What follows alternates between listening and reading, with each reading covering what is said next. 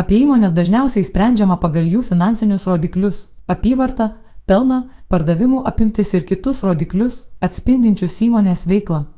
Tačiau finansiniai rodikliai yra tik veiksmų ar jų nebuvimo pasiekmė. To priežastis - įmonės gebėjimas pasiekti klientus, pritraukti darbuotojus, finansuoti vystimasi. Visi šie dalykai vienai par kitaip susiję su planavimu. Todėl įmonės finansinė sveikata arba tai, kiek įmonė turi vystimosi energijos, beveik visada priklauso nuo planavimo. Šiame straipsnėje kartu su Svetbank Lietuvoje finansų instituto vadove Juratė Cvilikienė aptarėme, ką reikia daryti, kad įmonė turėtų ir išsaugotų verslo vystimo energiją. Žinios, veiksmas ir imunitetas - sveiko verslo pagrindas. Kalbėdama apie įmonių finansinę sveikatą, Juratė Cvilikienė, Svetbank finansų instituto vadovė, akcentuoja tris svarbius dalykus. Tai finansų ir verslo vystimo išmanimas apskritai, veiksmai, kurie kyla iš žinių, įmonės imunitetas arba atsparumas įvairių rūšių rizikai, kuris turi būti įgytas prieš atsirandant šioms rizikoms.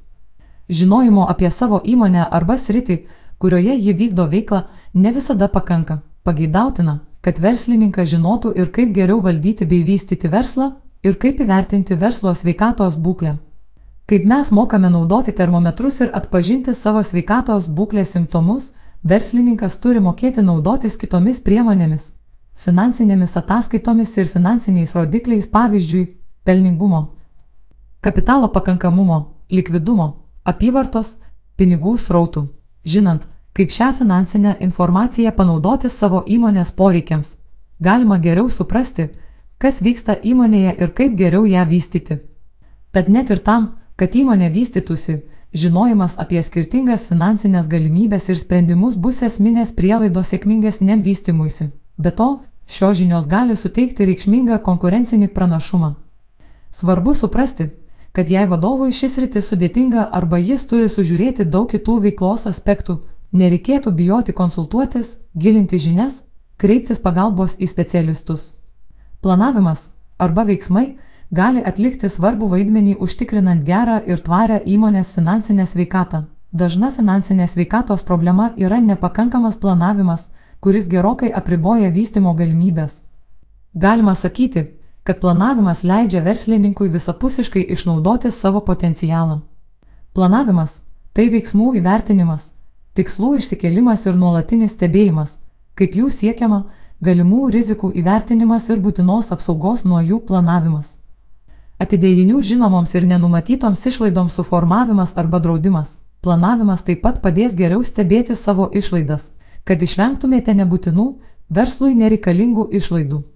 Kitas svarbus aspektas - gebėjimas laikytis į klientą orientuoto verslo požiūrio, kuris apima aptarnavimo, komunikacijos ir prekės ženklo kultūrą bei ilgalaikį įsitraukimą į prekės ženklą. Kartais tai nustumiama į antrąjį planą, tačiau vertėtų atsiminti, kad įmonės reputacija ir stiprus prekės ženklas padės įmoniai išgyventi kritinius momentus. Tai įmonės imuninės sistemos dalis, kurią, be šių dalykų, dar sudaro lojalūs darbuotojai ir sveika finansinė situacija. Deja, kasdienėme daugelio įmonių darbe planavimo aspektas linkęs nublankti, todėl šlubuoja ir finansinė sveikata.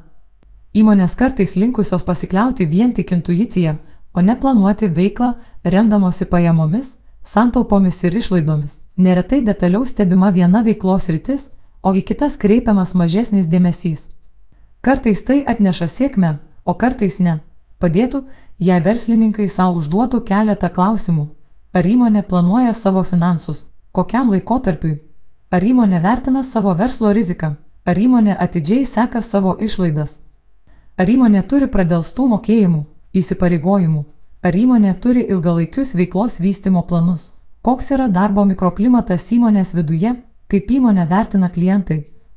Šie kontroliniai klausimai padės suprasti, kokia yra įmonės finansinė sveikata ir kur jos stipriosios ar silpnosios pusės.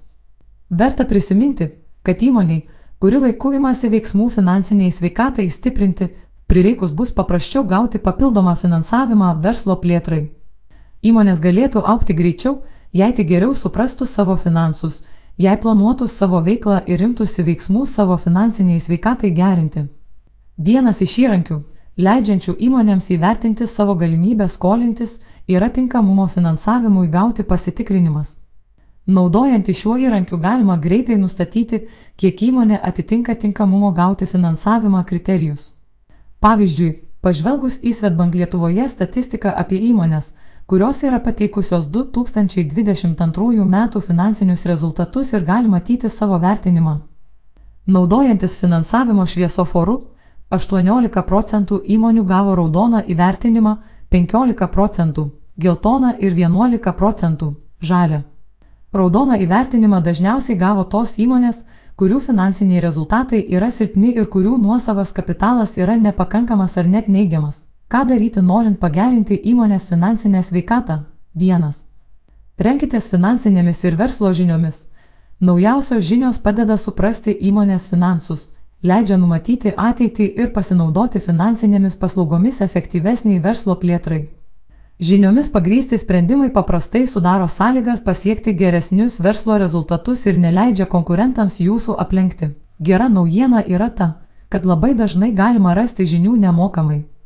Labai verta paieškoti ir galimybių dalyvauti patirties apsikeitimo renginiuose, konsultuoti su didesnė patirtį turinčiais mentoriais. 2. Planuokite savo įmonės finansus. Kaip ir asmeninių finansų atveju, Įmonės veiklos planavimas yra labai svarbus įmonės stabilumui ir vystimuisi. Įdėkite trumpalaikių finansų planavimą, kuris iš esmė reiškia einamųjų pajamų ir išlaidų subalansavimą. Planuokite pinigų srautus, sąskaitų faktūrų apskaitą, pajamas iš pagrindinės veiklos, įvairias ūkinės išlaidas, trumpalaikį turtą ir KT. Žinokite, kas sudaro didžiausias įmonės išlaidas, stebėkite jas ir ieškokite būdų, kaip būtų galima jas sumažinti. 3. Suformuokite pinigų atsargas. Verslas kupinas netikėtumų ir ne visi jie malonūs. Užtikrinkite, kad jūsų įmonė gali finansiškai susitvarkyti su didelėmis nenumatytomis išlaidomis ar staigių pajamų kritimu. Jei pinigų rezervas kol kas nėra pakankamas, susidarykite planą, kaip sukursite šį rezervą. Rekomenduojama atidėti bent 10 procentų mėnesio pelno, kad santaupo sudarytų maždaug 6 mėnesių išlaidų lygį. Turint tokį rezervą, minėtus 10 procentų galima investuoti ir gauti papildomo pelno. 4. Pasirūpinkite pelningomis investicijomis. Vadinamieji malonus pirkiniai naujesnio modelio telefonas ar kompiuteris, darbinis automobilis ir PAN išties vilioja. Tačiau investicijos turėtų aiškiai atitikti vieną pagrindinį kriterijų - ar ši investicija suteiks papildomo pelno įmoniai. Jei atsakymas teigiamas, investuoti verta. Svarbu visada sutelkti dėmesį į verslo poreikius, o asmeninius poreikius palikti antrame plane. Verslas nėra mūsų hobis. 5. Sekite savo įmonės finansus ir naudokitės finansinėmis paslaugomis. Nustatykite verslo ir finansinius tikslus, reguliariai stebėkite, kaip jūs siekiate ir įvertinkite pažangą.